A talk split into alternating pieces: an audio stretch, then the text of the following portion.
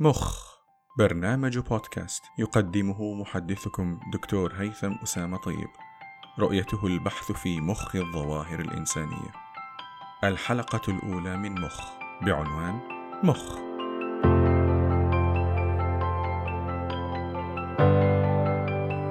حدث ضخم. منشأ أجسام. تفجر طاقات. سلاسل تفاعلات. انبثاق زمن. ثم أنت وأنا. كان عمري لا أذكر بدقة كم كان عمري وما الذاكرة إلا اختلاق دماغي مبني على بعض من الواقع ولكنني كنت أدرس قوانين نيوتن للحركة في المدرسة وأتعمق في فهم تفسيرها لمجريات الحياة. قانون نيوتن الثاني يتحرك الجسم إذا أثرت عليه قوة خارجية بتسارع يتناسب طردا مع مقدار هذه القوة وعكسا مع كتلة الجسم. أذكر أن تفكيري العميق في هذه القوانين أفضى إلى سؤال آسر تملك انتباهي. لو كانت هكذا تحدد سرعات الأجسام فكيف تحدد يا ترى سرعة فكرة أو شعور؟ من أين تأتي الأفكار والمشاعر؟ أي كتلة وقوة تحركانها؟ لو كان القانون الثالث لنيوتن يقول إن لكل فعل ردة فعل مساوية ومعاكسة فكيف ينطبق ذلك على الأفكار والمشاعر؟ ما هو العقل؟ ما هو الوعي؟ ما هي النفس؟ أنا سلمى مفتي معالجة نفسية أنا وليد الغامدي طبيب نفسي ومهتم بفهم النفس البشرية شعوري أشعر بحب أشعر بحنان أشعر بدفء الأفكار هي حصيلة إيش يخطر على بالي الأفكار على مستويين. المستوى الأول هي الأفكار التلقائية. الأفكار التلقائية هذه مجرد السطح. بينما الإنسان بسبب تراكمات خبراته على مدار حياته كلها والتجارب اللي مر فيها في عنده مستويات أعمق من الأفكار والمعتقدات عن نفسه اللي ما تظهر بشكل تلقائي وأيضا غير واعيه يمكن. تلك هي أوصاف الأفكار والمشاعر. ولكن مما تتكون هذه الظواهر المعنوية؟ الجهاز الذي تسمعني منه جسم يتكون من مواد تتكون بدورها من مركبات تكونها ذرات لعناصر كيميائية. صوتي الذي تسمعه موجات صوتية. الضوء فوتونات وطاقة. فمما تتكون الأفكار والمشاعر والوعي. كيف يمكن أن تنشأ نفس واعية من مادة صماء؟ بابا إيش الطفش ده؟ أهلين حبيبي معلش سيبوكم منها ليس طفشا لو كانت النفس منشأها مادي فعلا فهناك تداعيات كثيرة مهمة جدا ما نتحدث عنه هو مفهومك عن نفسك من أنت؟ أجب في عشر كلمات أنا مثقف ذكية وخيالي كبير أنا طبيبة تقويم أسنان أحب أكون خدومة ومفيدة وأنا زوجة هذا.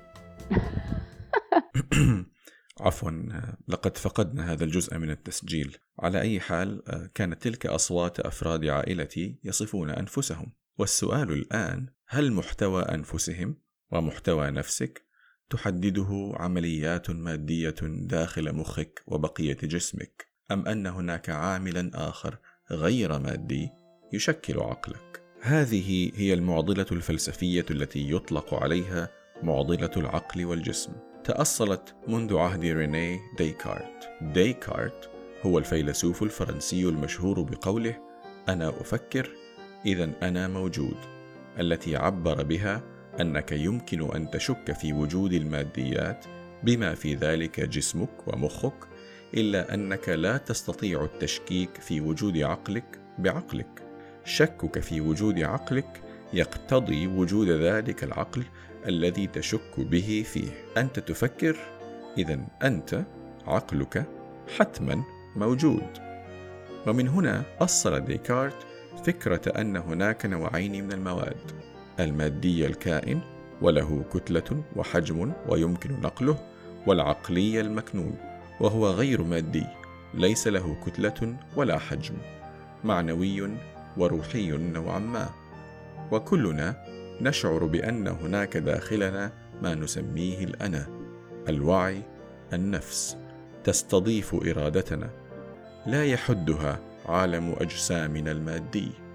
نشعر بأننا أنفاس حرة تسكن جسدنا وتحكمه. ونحن كلنا على ما يبدو مخطئون. هل يتحكم عقلك بجسمك أم أن جسمك يتحكم بعقلك؟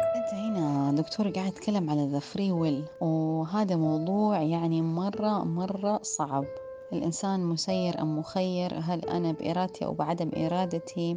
وهذا أحيانا كثير أوقات عكس النظريات النفسية اللي هي تتكلم في cognitive psychology. أنت you think and then you feel. It's all the opposite. فالتفكير يكون واعي في أغلب الأحيان. دعونا ندرس سويا تجربة علمية بسيطة ومدهشة في آن معا تجربة العالم. بنجامين ليبت التجربة بسيطة جدا في الواقع. لو اشتركت فيها لأعطاك ليبت زرا. كل المطلوب هو أن تمسك الزر ثم تضغطه عندما تريد. كل ما يريده منك ليبت في هذه الأثناء أن تنظر إلى ساعة توضع أمامك وتلاحظ بالضبط الوقت عند اللحظة التي نويت فيها أن تضغط الزر. وقت تولد إرادتك الواعية التي دفعتك لضغط الزر بعد ذلك. وقت قرارك. في تلك الأثناء سيسجل لك ليبت تخطيطا مستمرا لموجات المخ. وكل ما سيقوم به ليبت بعد ذلك أنه سيرتب الأحداث المنتهية بضغطك للزر. ما الذي حدث أولا؟ إرادتك الواعية أم تغير كهربائي مخك؟ بمعنى آخر هل أردت أن تضغط الزر فتكونت في مخك الموجات الكهربائية اللازمة أم أن العكس هو الصحيح؟ تغيرت كهرباء مخك قبل أن تعي أنك تريد أن تضغط الزر في تلك اللحظة. خذ هنيهة لتفكر. هل إرادتك القيام بشيء تسبق نشاط المخ اللازم لذلك؟ لو كان كذلك فوعيك يستخدم مخك. أم العكس؟ أن مخك يعمل قبل علمك ويخلق وعيك وإرادتك أيهما يروق لك أكثر؟ والأهم أيهما الحقيقي؟ نتيجة هذه التجربة ثابتة أعادها علماء عدة ليصلوا لنفس النتيجة وهي أن الفائز بالمركز الأول هو نشاط المخ نشاط المخ يسبق إرادتك الواعية بربع ثانية أو نصف ثانية نصف ثانية كاملة قرر فيها دماغك ما لم يعلمه وعيك أي أنني أنا لو تابعت تخطيط مخك سأستطيع أن أخبرك أنك ستضغط الزر قبل حتى أن تعلم أنت ذلك وتعيه هل يعقل ذلك؟ هل تحس أنه معاكس لشعورك؟ ومفهومك عن نفسك؟ هل تحسه يسلبك الإرادة؟ هناك فعلا نظرة فلسفية متمادية تنفي وجود إرادة حرة لدى البشر على الإطلاق يقال لها نظرية الحتمية المطلقة. يقولون ديكارت مخطئ هناك نوع واحد من الأشياء في العالم ويطلق على ذلك مبدأ أحادية المادة وأفكار الإنسان ومشاعره وسلوكياته ما هي إلا نتاج عمل المخ والمخ يتكون من خلايا تتكون بدورها من أجزاء أصغر تحكمها قوانين كيميائية وفيزيائية وأن المخ هكذا آلة معقدة تعتمد على قوانين محددة وأن السلوك البشري رده فعل معقدة ولكنها محددة بطريقة عمل مخك وتكوينه. وجيناته وهي كلها عوامل مادية فقط لا غير. فلنترك هذه الجزئية الصعبة كما هي الآن ولنتفق على استنتاج لا غبار عليه وهو أن المخ هو المحدد المركزي الأول والأهم للسلوك والأفكار والمشاعر البشرية. ما نطلق عليه مبدأ المركزية الدماغية. هذا المبدأ بحد ذاته ودون الدخول في متاهات وجود الإرادة البشرية من عدمها يؤثر مباشرة على طريقة فهمنا لظواهر بشرية غاية في الأهمية. خذ الإدمان مثلا. يرى المدمن كثيرا كشخص ضعيف فاقد للسيطرة على نفسه منجرف خلف لذاته. لو تعمقنا في فهم الإدمان ووصلنا إلى لبه إلى مخه لظهر لنا أن هناك أنظمة في المخ مسؤولة عن تكوين الدوافع والرغبات وأن عملها في مخ الشخص المدمن يختلف جذريا عن الطبيعي. فلنأخذ رحلة قصيرة في المخ لفهم ذلك. تفضل معي إلى قاعة العلوم العصبية. تخيل المخ معي. تخيله ربما كبرتقالة سطح المخ الخارجي لفاته الدماغية الشهيرة يطلق عليها قشرة الدماغ وهي ترتبط عادة بوعي الإنسان وسلوكياته المعقدة كالتخطيط للأمور وتحليل المشاعر والإحساس والانتباه. غص الآن معي إلى عمق المخ لتجد خلايا عصبية أخرى تسمى بالأنوية القاعدية. وهذه عادة ترتبط بوظائف تلقائية غير واعية ومن أهم أدوارها تكوين وتنفيذ عادات الإنسان تلك السلوكيات التي يكررها المرء ويصعب عليه تركها. عندما يقوم الإنسان بسلوك يجلب منفعة أو يدفع ضرا ينشط في عمق المخ هناك ناقل عصبي اسمه دوبامين. وهذه المادة تسبب شعورا بالجذل والحبور والمتعة لتصبح هذه المشاعر علامات ملتصقة بالسلوك الذي سببها فيعطى الإنسان درسا موعيا أن ذلك السلوك يجب تكراره. والأدهى أن الدوبامين يخلق ارتباطا بين الأنوية القاعدية في عمق المخ وقشرة الدماغ في سطح المخ ويخلق دوائر كهربائية تتحكم إثرها الأنوية العميقة اللاواعية نسبيا بالقشرة الدماغية الواعية وهكذا تخلق عادة يصعب الانفكاك منها أحيانا يحدث خطأ في تكوين هذه الدوائر الكهربائية، فتتكون عادات غير مرغوب فيها. حتما رأيتم أشخاصا لديهم متلازمة توريت، ما يقال لها اللزمات. أولئك الذين يحسون مثلا بضرورة أن يكحوا بين جملة وأخرى، أو يضطرون إلى تحريك رقبتهم بطريقة معينة متكررة مؤلمة بدون سبب سوى أن أمخاخهم تخلق لديهم دافعا غير منطقي للقيام بهذه التصرفات. مرضى الوسواس القهري يشعرون بنفس الظواهر يضطرون قهرا للقيام بتصرفات معينة أو التفكير في أفكار معينة. مريض الوسواس القهري قد يرى يديه نظيفتين ويعلم أنهما نظيفتان. ولكنه لا يستطيع طرد فكرة اتساخهما فيغسل يديه مرارا وتكرارا وتكرارا حتى يهترئ جلدهما والسبب اضطراب دوائر المخ القاعدية القشرية تلك. والعلاج معايرة النواقل العصبية في هذه الدوائر سواء دوائيا أو سلوكيا. فلنعد للإدمان. عندما تأتي مادة مثل الكوكايين فتنشط الدوبامين تنشيطا عنيفا فإن المخ يخلق دوائر كهربائية جديدة ويجعل أخذ الكوكايين عادة متكررة فيتعاطاه المرء ثانية ويجدل كالأولى فيتعلم المخ الدرس الدوباميني ثانية ويحدث الإدمان. والمحدد المركزي لهذه العملية يبدو دماغيا. بالطبع ولنكون شموليين فهناك عوامل أخرى غير دماغية تساهم في إحداث سلوك الإنسان وأفكاره ومشاعره. ثقته في نفسه هزائم حياتية. البيئة الظروف المحيطة طريقة التربية والمرونة النفسية.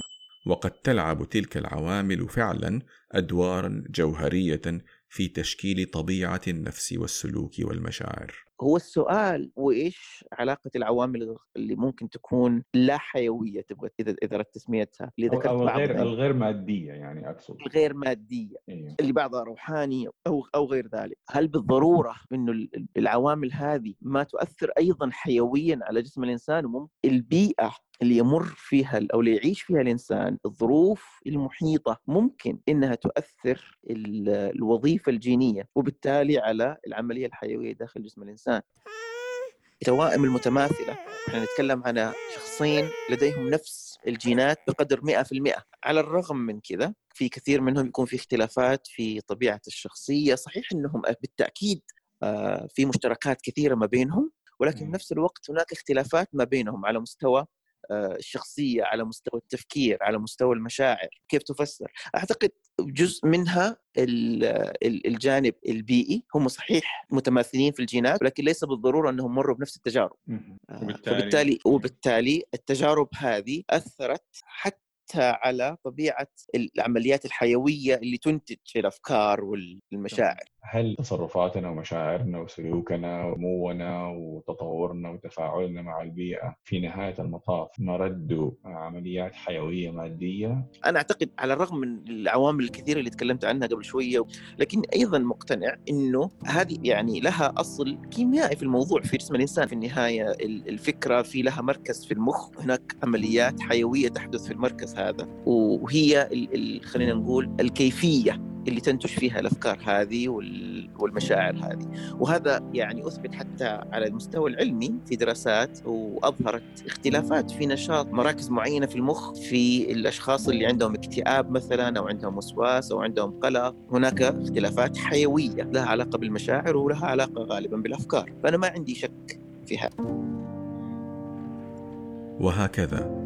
فكل العوامل الخارجية يجب عليها إحداث تغييرات دماغية في نهاية المطاف لكي تحدث تأثيرها فعلا. يقول شكسبير: وما الدنيا إلا مسرح كبير، وفي هذا السياق نقول: وما المخ إلا مسرح كبير.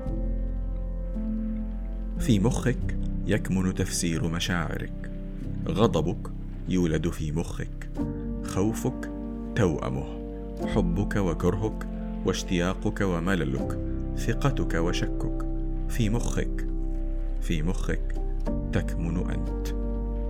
في مخك لب كيانك شخصيتك وتكوين طفولتك وتأثير التربية عليك وتدينك والتزامك في العمل وإخلاصك لرفيقة دربك ورغبتك في التغيير في نفسك وواقعك. نعم أنت معقد. لكيانك أسطح وأعماق.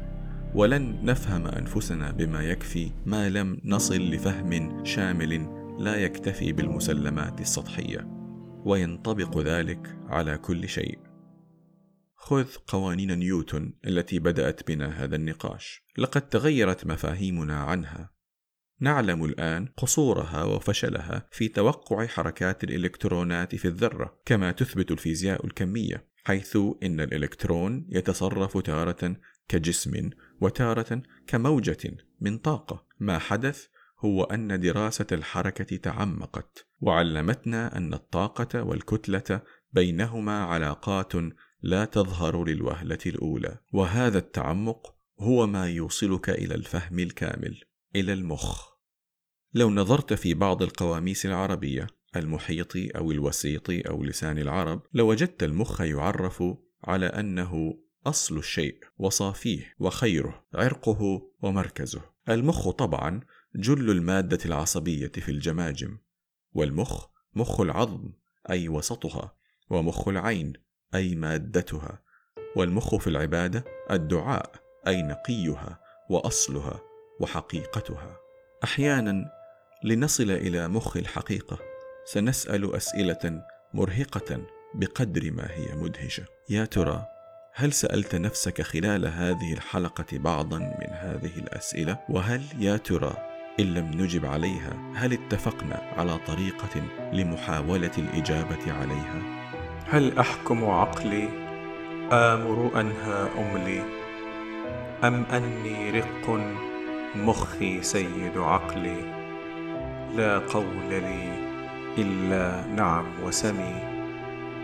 جين أنا ورثته بدمي.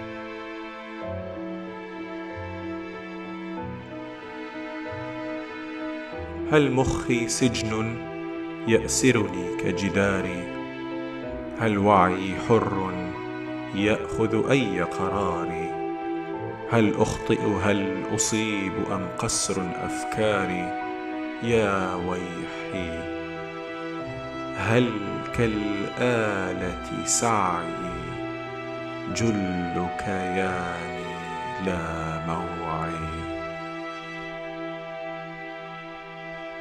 خوفي قديم خوف جسيم هل يا ترى حر أم مضيم مسلوب روح وعي عديم ما أشتهيه عيب سقيم ما انتويه غيب بهيم إذ يحتويني مخ ذميم.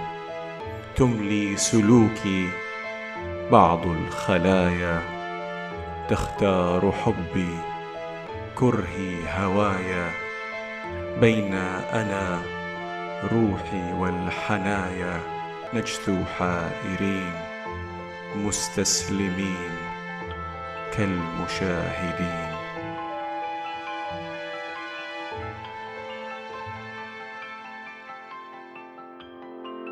يا صاح تمهل لا توغر في الهم. المخ سلاح لا يؤذي بل يحمي. والفكر حماية من ضلال الوهم. والحق كمركب لا يردى في اليم. اقرأ تفكر مح استدبر. اسأل سؤالا انطق تحرر لا تكتفي بالنقل المكرر. افرض وجرب حقق تصور. ابدأ سؤالا ألحق سؤالا. نكشف غطاء نفهم محالا.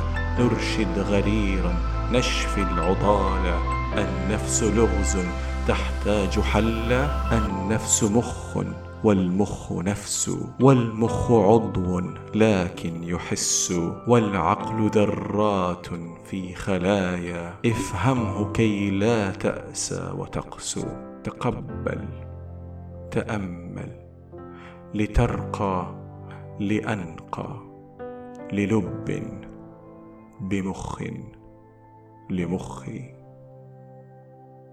وهذا سيداتي آنساتي سادتي جوهر ما أود أن أطرحه هنا في سلسلة من الاسترسال العميق الحريص الهادف إلى دراسة كل ما يروق لنا من الظواهر البشرية. يعدكم هذا البوح أن يحترم ذكاءكم وأن يحاول أن يكون بديعا بداعة المخ الذي استعرنا اسمه ومعناه وأن يجتهد بكامل المخ في كل مرة ليشمل التفسير ويصل إلى المخفي.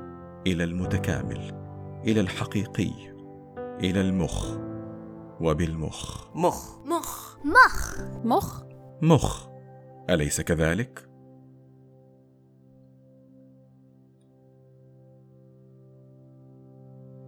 ونص الحديث إلى أهله فإن الوثيقة في نصه.